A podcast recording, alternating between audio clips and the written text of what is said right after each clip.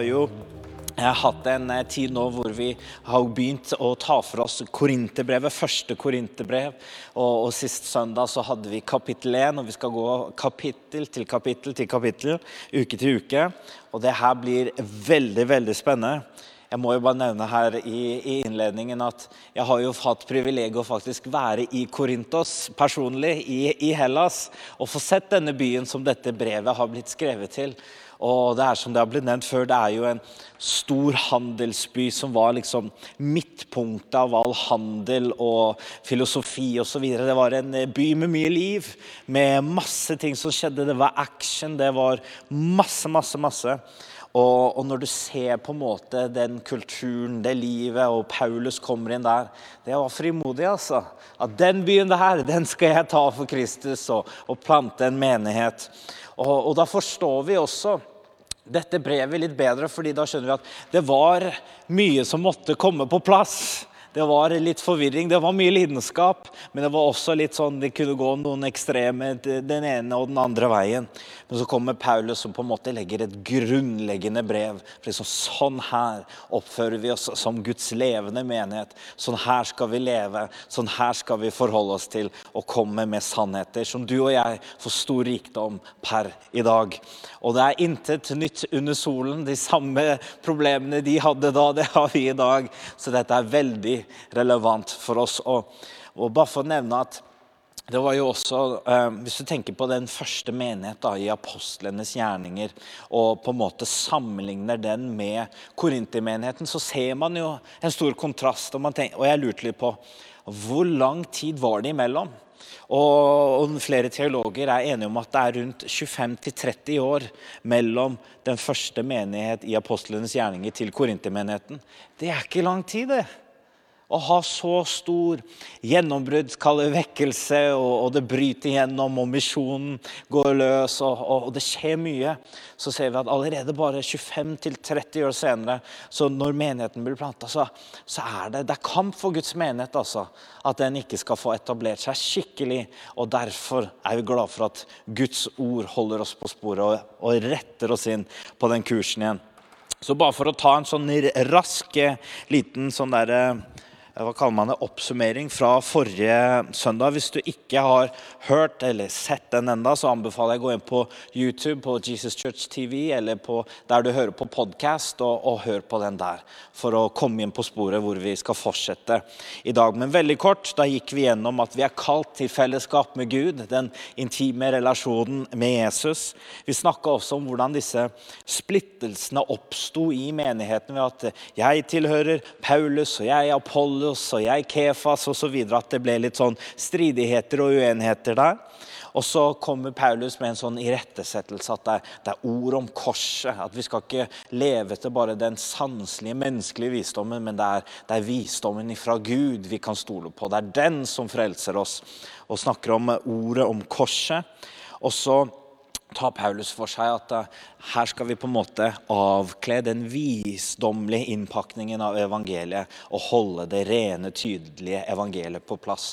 Og det er på en måte innledningen inn i kapittel to. Og det som er så nydelig med Bibelen, er at nå har jo vi kapitler og vers for å gjøre det enkelt for oss å forholde oss til å finne ting. Men det her ble jo skrevet som et brev, hele Korinterbrevet. Så på en måte ikke la deg tenke at det bare stopper opp fordi det er et nytt kapittel. Men det er, det er en fortsettelse av det som tidligere var. Så la oss fortsette i dette brevet fra og med kapittel 2. Så skal jeg lese noen vers her til å begynne med, fra vers 1 til 5. Og så tar vi og tar det derfra. Her, står, her sier Paulus. Da jeg kom til dere, mine søsken, kom jeg ikke med fremragende talekunst eller visdom og forkynte Guds vitnesbyrd for dere. For jeg var fast bestemt på at jeg ikke ville vite noe blant dere uten Jesus Kristus og ham korsfestet. Jeg var hos dere i svakhet, i frykt og i stor beven. Og min tale og min forkynnelse var ikke med overtalende ord fra menneskelig visdom, men med ånds- og krafts bevis. For at deres tro ikke skulle være grunnlagt det er viktig ord her, grunnlagt på menneskers visdom, men på Guds kraft. Her ser vi at Paulus hadde lyst til å gjøre det så tydelig som mulig.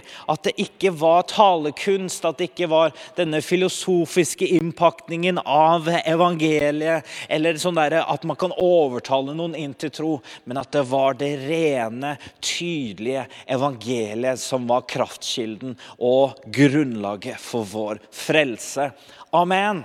Og jeg tror Det som var litt sånn kampen, som vi nevnte også tidligere i, når vi tok kapittel 1, det var jo at kampen var litt det å, å gi opp denne visdommens innpakning og bare tro evangeliet.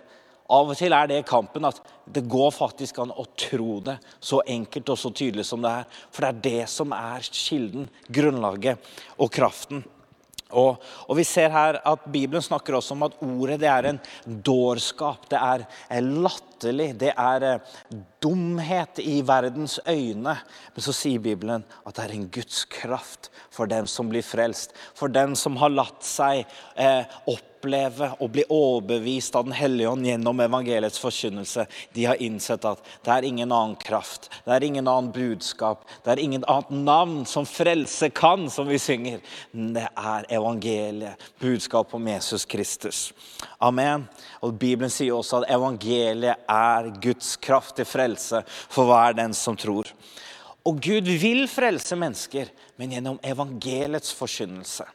Og, og, det er her Paulus på en måte, han, bare, han gjør det så klinkende klart og tydelig. og på en måte, Han vil sette vekk egne personlige meninger og, og, og ønsker til folk. og bare, Det er evangeliet som setter føringa. Det er det som er sannheten. Amen.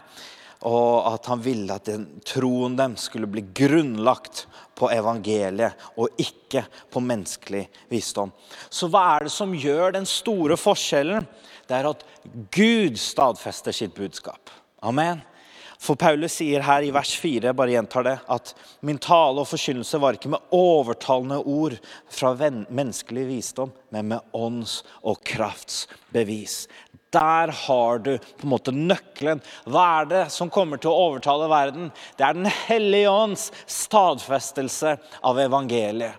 Det er mennesker som har opplevd evangeliets kraft, og du kan se et før og et etter, og du bare vet den personen der kunne aldri gjort det på egen hånd. Og det er et bevis, et levende bevis på at evangeliet funker. Så din og min og våres historie i våre møter med Jesus, det er bevis på at Jesus Kristus lever i dag.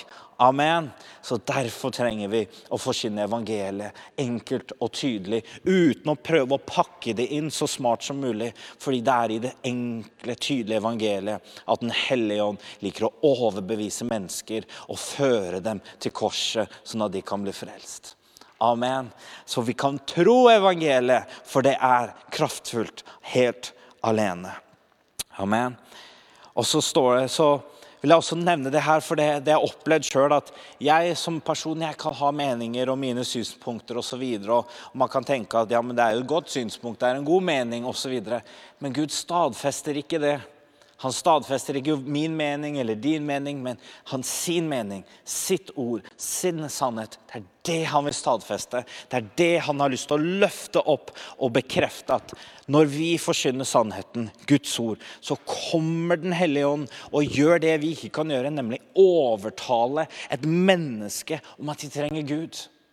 For i vår stolthet og den der, eh, Bibelen snakker om at vi er født under synden. At i naturen så er vi på en måte ulydige mot Gud. Vi ønsker å være våre egne herrer og sjefer. og på en måte Vi strider imot Guds ord. Og, og, det, og samvittigheten vår til og med går vi imot. For vi vet hvis vi gjør noe galt, så er det til og med noe på innsiden som vitner at det skulle du ikke gjort. Det var galt.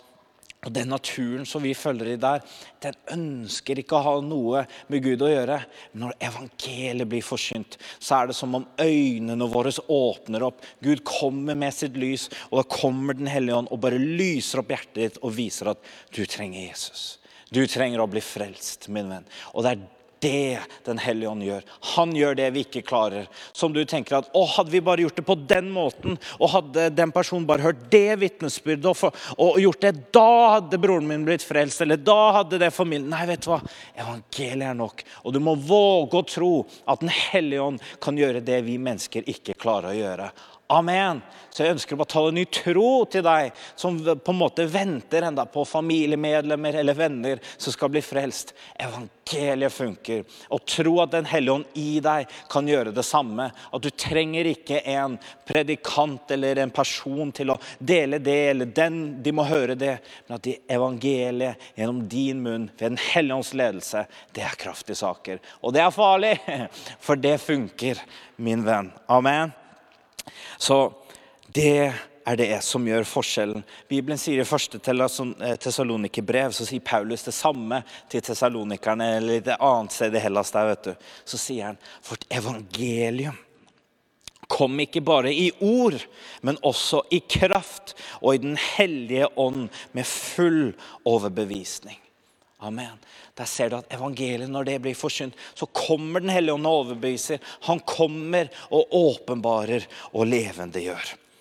Amen. Derfor var det så viktig for Paulus å poengtere at troen vår den er ikke grunnlagt på menneskelig visdom. Så det, det, du kan snakke på en måte logisk rundt troen, og du kan på en måte finne gode poenger og, og, og, og videre. og Det kan være bra og det kan være litt styrkende, men grunnlaget er det elementære budskapet om Jesus. Og Det er det vi må tro på før vi på en måte kan eh, se på alle ting. Og alt henger sammen. Og den virkelige kunnskapen som vi fikk høre, det starter med å frykte Gud. Å frykte Gud av og til det jeg opplevde i mitt liv, og det tror jeg du kan oppleve i ditt eget, det er å stole på Gud når du selv ikke vet hva som er riktig. At Hvis Bibelen sier det, og jeg selv, selv om jeg ikke forstår det, så velger jeg å frykte og tro Gud. Fordi han, jeg stoler på hans natur, jeg stoler på hans ord. Og det er Guds frykt. Å anerkjenne og underlegge deg Gud og hans ord selv hvis du ikke føler det der og da. Det er visdom, min venn. Amen. Og Det er den visdommen vi skal gå litt videre på her. Så Jeg har lyst til å lese litt og snakke litt om Bibelen sier om menneskelig visdom. Vi så det Paulus nevnte det uttrykket. Menneskelig visdom, menneskelig visdom. Og Det står i Jakob 3, eh, og fra vers 13 så skal jeg bare lese litt her hva det står om denne visdommen. For det var den som på en måte prøv, prøvde å gripe inn i denne korintermenigheten. Så Jakobs brev, kapittel 3, skal vi se her, og fra vers 13. Der står det Hvem er vis og forstandig blant dere? Han skal få en god ferd og vise gjerninger i sin visdommens ydmykhet. Men hvis dere har bitter eh, misunnelse og selvhevdelse i hjertet, så ros dere ikke av slikt, og lyv ikke mot sannheten. For en slik visdom kommer ikke ovenfra, men den er jordisk, den er sanselig og demonisk til og med. Og der, her står det For hvor det er misunnelse og selvhevdelse, er det også forvirring og all slags ond gjerning. Så Derfor kan ikke Guds menighet være bygget og grunnlagt på menneskers visdom. For det er grobunnen til splittelse, onde gjerninger, stolthet og, og alt sånt. Derfor trenger vi med ydmykhet underordne oss Guds ord og si at din visdom er større enn vår visdom. Dine veier, dine tanker er større enn våre tanker. Vi underordner oss det, vi tror på det. Og dermed gjennom det så kan vi oppleve at Guds menighet blir bygd på den riktige grunnlag. Amen? Ok, Så Den hellige ånd er nøkkelen til alt det her. Det har vi skjønt når det kommer til dette. La oss lese videre i kapittel 2 her. Fra vers 6 så står det her. Likevel taler vi en visdom blant de modne, ikke en visdom som tilhører denne tidsalder eller denne tidsalders herskere, de som går til grunne. Vi taler Guds visdom i hemmelighet, den skjulte visdom som Gud før tidens begynnelse forutbestemte til vår herlighet. Den visdom ingen av herskerne i denne tidsalder har kjent. For hadde de kjent det, hør på det her, hadde de ikke ikke korsfestet herlighetens herre. Hadde de bare visst hva som skulle skje når Jesus ble korsfestet, så hadde de aldri gjort det. Og det var en tanke når jeg leste det, det her og studerte kapittel 2 her, så kom det en tanke, jeg tror det var fra Den hellige ånd, hvor det, det står i Bibelen at Jesus han var korsfestet før jordens grunnvoll. Og med andre ord, Vi vet jo at djevelen, Satan, Lucifer, han var jo en engel eh, og, i, i, himmelen før og tilba Gud. Og Det betyr at han visste ikke engang da hva Gud hadde tenkt og planlagt. Og han hadde til og med litt nærmere kontakt enn vi har akkurat nå. Men i sin stolthet så gikk han ned, og han tenkte, når han ser Guds sønn, så tenkte han det her er sjansen min. Nå kan jeg vise at det er bedre enn Gud. Nå kan jeg prøve å få den posisjonen, den tilbedelsen som jeg fortjener. Og han tenkte at nå tar jeg han. Nå har jeg tatt Guds sønn og tar han til fange. Han blir korsfestet. Og han tror nå har jeg seiret. Men tenk deg det sjokket djevelen får når Jesus Kristus står opp ifra de døde og beseirer døden og skaper nå frelse og mulighet for å bli tilgitt sin synd for alle mennesker som tror på dette. Tenk deg det nederlaget djevelen innsatt. Det er ikke bare ydmyket, men jeg er avvæpnet. Han har tatt all mulighet jeg, som jeg har, for å på en måte fange menneskeheten og ta den med meg. Og Derfor forkynner vi evangeliet, fordi det er en Guds kraft til frelse. Uansett hva man har gjort, uansett hvor langt ned eller hvor høyt oppe man tror man er, så er det bare frelse gjennom Jesus Kristus. Amen. Og det skjedde på korset. Derfor forkynner vi det her. Derfor er dette en visdom som denne verden tenker at det her er dårskap, dette er dumt. Men det er det som Gud behaget Gud å frelse mennesker gjennom denne type forkynnelse. Amen. Ok, så la oss snakke om det her litt mer. Korset og frelse var alltid Guds plan A. Tenk på det. Det var Guds plan A. Dette var det han, han, han, han visste at vi mennesker, vi, i vår frie vilje, så kommer vi til å synde og vende ryggen til han. Så han hadde en plan allerede før jorden ble grunnlagt, at han skulle sende sin sønn for å dø på et kors, for å ta den forbannelsen og den splittelsen fra han, for å forsone oss igjen. Det, det, er, det, er, så stort, det er så mektig at selv når jeg står her og forkynner, så kjenner jeg et amen i mitt indre med hodet er liksom Hva er det her for noe? Det er for godt til å være sant. Det her er helt rått. Og det er evangeliet, mine venn. Det er for godt til å være sant, men det er sant. Og man har ofte hørt i livet at hvis det er noe som er for godt til å være sant, så er det ikke sant.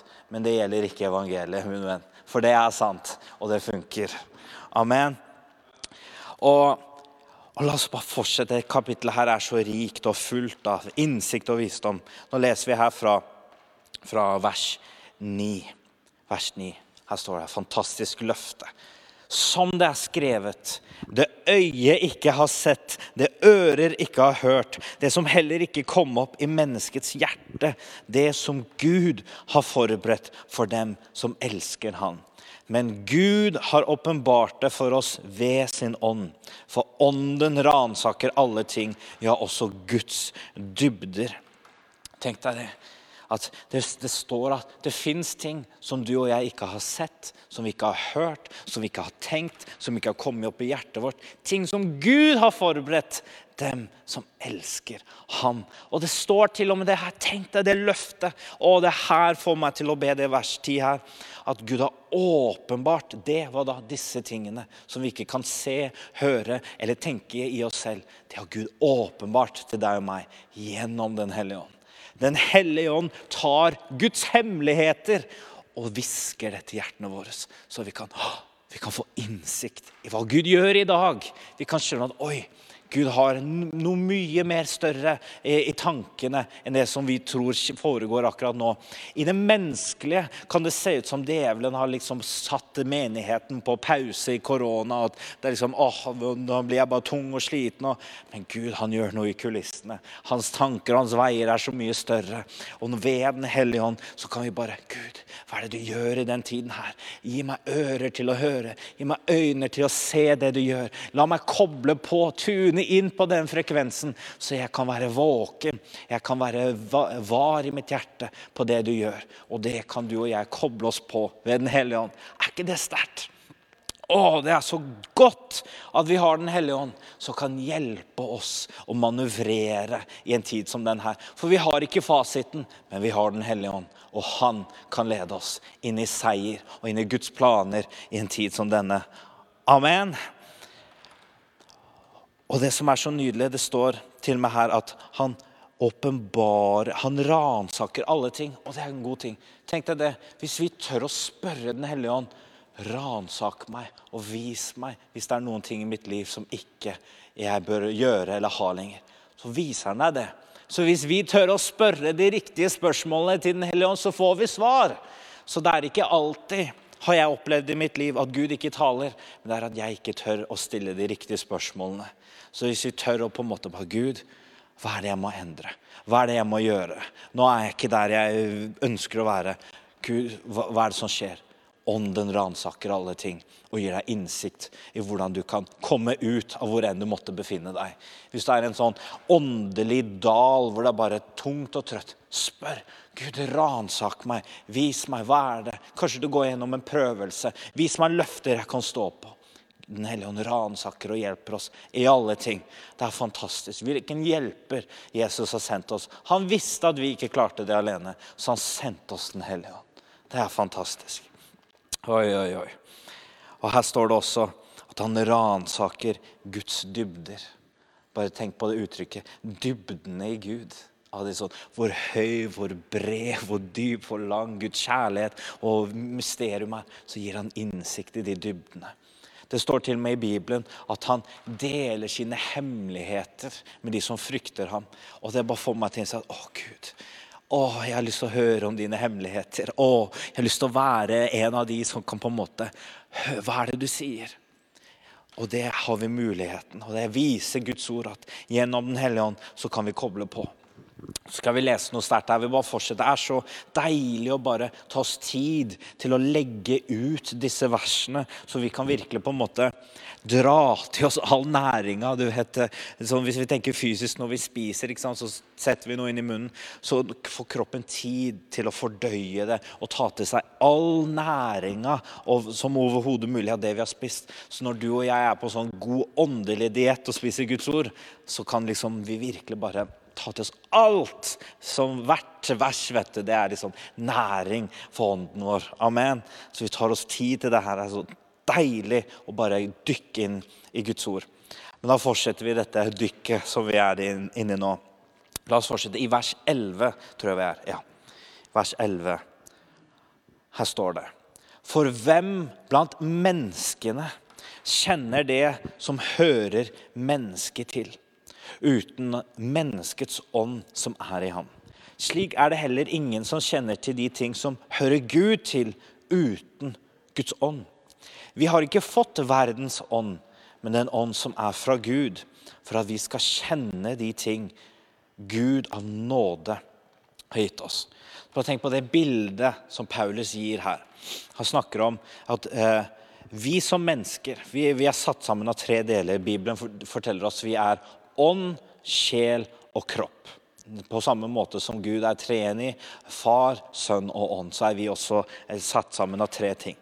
Og, og, og men, ånden vår, da, mennesket sånn, så før vi har møtt Gud, så har vi også en ånd. Det er liksom den personligheten, det er den jeg er. Når du ser meg stå her, som Sebastian i Melen som snakker her, som kjenner, jeg kjenner meg selv ganske godt. Det er liksom det er min ånd. Så har du sjelen.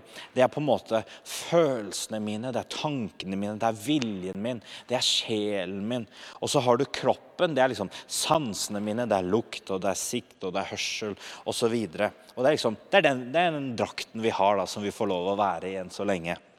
Det er liksom ånd, sjel og kropp. Så står det her da at vi som har en ånd, vi kjenner oss selv bedre enn noe annet. Og så står det til og med at Men ingen kan kjenne de ting som tilhører Gud, uten ved Guds ånd. Og det står når vi blir frelst i 1. Korinter 6, 7, at vi blir én ånd med Gud. At vår ånd, menneskets ånd og Guds ånd, vi blir ett. På samme måte som mann og kvinne i ekteskap blir ett kjød, så blir du og jeg ett kjød med Gud når vi blir født på ny, når vi blir frelst. Så da har vi tilgang til disse dybdene. Plutselig kan vi tenke de tanker som Gud tenker, fordi vi har Guds ånd boende i oss. Jeg vet ikke om du får med deg det her, men det er så sterkt at vi kan bli ett med Gud. Og ved at vi blir ett, så blir hans tanker mine tanker. Og jeg kan koble meg på en helt annen på en måte tankerekke. Det står Kristi sinnelag. Kan vi koble oss på og tenke slik Kristus tenkte. Amen. Så på den, eh, og da har vi da, derfor har vi tilgang til disse tingene som Gud har gitt oss ved nåde. Så jeg har lyst til å egentlig bare legge ut en ting her før vi går mot avslutningen. her, så bare lyst til å legge ut et par ting. Forskjellen på et, eh, et menneske som lever ved sjelen, og et menneske, et åndelig menneske som lever ved ånden. For det snakker Paulus mye om det. Ikke menneskelig visdom, men åndens visdom. Og så har du en modenhet og en visdom, men den er i Gud, osv. Så, videre. så skal vi se her. La oss lese fra vers 13, så skal vi eh, se Guds ord legge det ut for oss. Disse ting taler vi også om ikke med ord som menneskelig visdom lærer, men med ord som Den hellige ånd lærer, idet vi tolker åndelige ting med åndelige ord. Et kjedelig menneske tar ikke imot det som hører Guds ånd til, for de er dårskap for ham. Han kan heller ikke begripe dem, for de må bedømmes åndelig. Men den som er åndelig, bedømmer alle ting, men selv kan han ikke bedømmes av noen. For hvem har kjent Herren sin som kunne lære ham? Men vi har Kristi sinn, eller sinnelag, som det står her. Så her står det et kjedelig menneske. Er ikke et kjedelig person, men en som lever ut ifra sjelen sin. Det man tenker og føler, og man bestemmer sjøl. Det er en som lever ut ifra sjelen sin. Og, og, det er på en måte det Bibelen kalles for definerer en menneske som lever ved sjelen. At man er sin egen herre. Det jeg føler for, det gjør jeg. Min vilje er styrt av ingen andre enn meg selv. Og, og, og man er følelsesstyrt. Og vi vet at liksom, uttrykket som vi kan høre i verden da, nå, skal jeg ikke snakke så mye om det, men du har et uttrykk Bare følg hjertet ditt. Hadde jeg bare fulgt hjertet mitt, så hadde jeg gjort så mye dumt. skal jeg si deg. For hjertet mitt det, det kan bli veldig sinna noen ganger, og da tenker man ting om noe man, man bare blir helt sånn Å, skal jeg ta deg, liksom? Hadde jeg gjort det hele tida når jeg følte det? Hadde jeg fulgt hjertet mitt når jeg kjørte bil? Så hadde det gått dårlig. Så det er viktig at vi, vi, som kristne ikke bare i en kristen setting, men hele tiden kan leve i, eh, i ånden. For det betyr ikke at vi er så fraværende av jorden at vi bare er, liksom, tenker på Gud. Nei, det handler om at vi er så kobla på Gud at vi er så Vi er liksom overnaturlig menneskelig bra. Det handler ikke om at vi frasier oss all liksom, fornuft og ting som er lurt å gjøre. Nei, Vi er, vi er kobla på en høyere visdom som hjelper oss å manøvrere i denne verden enda bedre enn hvis vi skulle fulgt denne sjelen eller ting som virker det beste ut ifra det vi forstår. Så det er et menneske som følger det sjelelige. Så har du det åndelige mennesket. og det, prøver å bare definere det så enkelt som mulig. Et åndelig menneske det er en person som er underordnet Guds ord og ledet av Guds ånd. Da er du en åndelig person. Å være åndelig betyr ikke at du må alltid føle så mye, men du har bare bestemt deg at 'jeg er underordnet den boka her'. Så når du leser noe og, og, det, og i, i, Guds ord, og plutselig så stikker det litt. Det kan man oppleve, for det står at det er et sverd. Det kutter begge veier. det, vet du. Så, så det plutselig Au, det, det, det, skjærer deg. Og du tenker at wow, jeg må gjøre noen endringer. Og hvis du velger å gjøre det, det er åndelig. Og du gjør de endringene, da er du ledet av Den hellige ånd. Da er du en åndelig person. Det handler ikke om at man bare er liksom og svever. Det er kanskje et rart bilde man har av en åndelig person. Men å være åndelig det er en som er grunnfestet i Guds ord.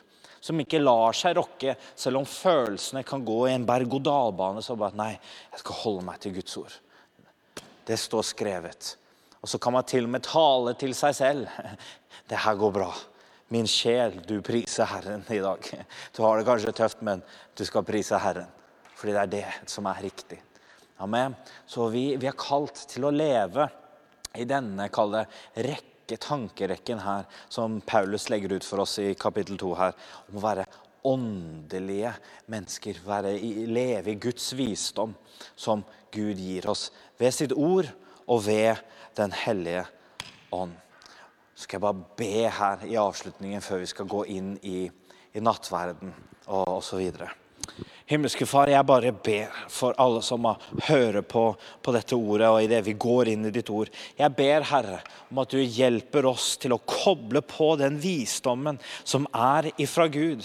Jeg bare ber for alle som er der hjemme, som hører på dette her nå eller siden, at du kommer med visdommen og åpenbaringens ånd i kunnskapen om deg. Bare komme over dem. At de skal bare ah, det her skal jeg gjøre med livet mitt den retningen her skal jeg gå. Det her skal jeg gjøre i den situasjonen. Jeg bare ber det og forløser det i Jesu mektige navn. At du skal få forståelse, innsikt i Guds planer og hensikt med ditt liv. Og jeg bare velsigner alle som hører på, Herre. Jeg ber du gir dem ører til å høre. Dine, når du hvisker, Herre, når du taler. Og jeg ber Hellige Ånd at du kommer med nøkler inn i menneskets hjerte som åpner Guds ord og gir dem forståelse i den tiden vi er i. Styrk oss, Herre, og forløs oss til å stå i dine planer og hensikter i den tiden. Det ber jeg i Jesu mektige navn. Amen. Amen. Og Jeg har lyst til å bare oppmuntre deg med et siste ord her. Det står i Bibelen i Galaterne 6 8 eh, og 9 så, så står det at eh, det man høster, det sår man. Og det står når man sår i sitt kjøtt, så høster man fordervelse. Det, det, ikke noe godt kommer av å bare leve i det kjødelige, og følge sansene og følelsene osv. Men når man sår i ånden, når man følger Guds ord, sannheter, når man velger å gjøre det som er riktig, selv om det ikke føles alltid rett, så gjør man det allikevel. Så står det da i vers 9 at vi skal ikke bli trett slitne av å gjøre det som er rett, av å gjøre det som er godt innenfor Gud. For i den riktige tid så skal vi høste, sier Bibelen. Og da skal vi høste evig liv fra Den hellige ånd og velsignelse fra Gud. Så min venn som ser på, ikke bli sliten av å gjøre det Gud har kalt deg til å gjøre. Vær frimodig, reis deg opp i Gud, få nytt mot, gå inn i Guds ord. La Han fylle deg. Posisjoner deg så du kan høre han igjen, og ikke vær redd for å stille de riktige spørsmålene i Jesu Kristi navn. Vær velsignet. Amen.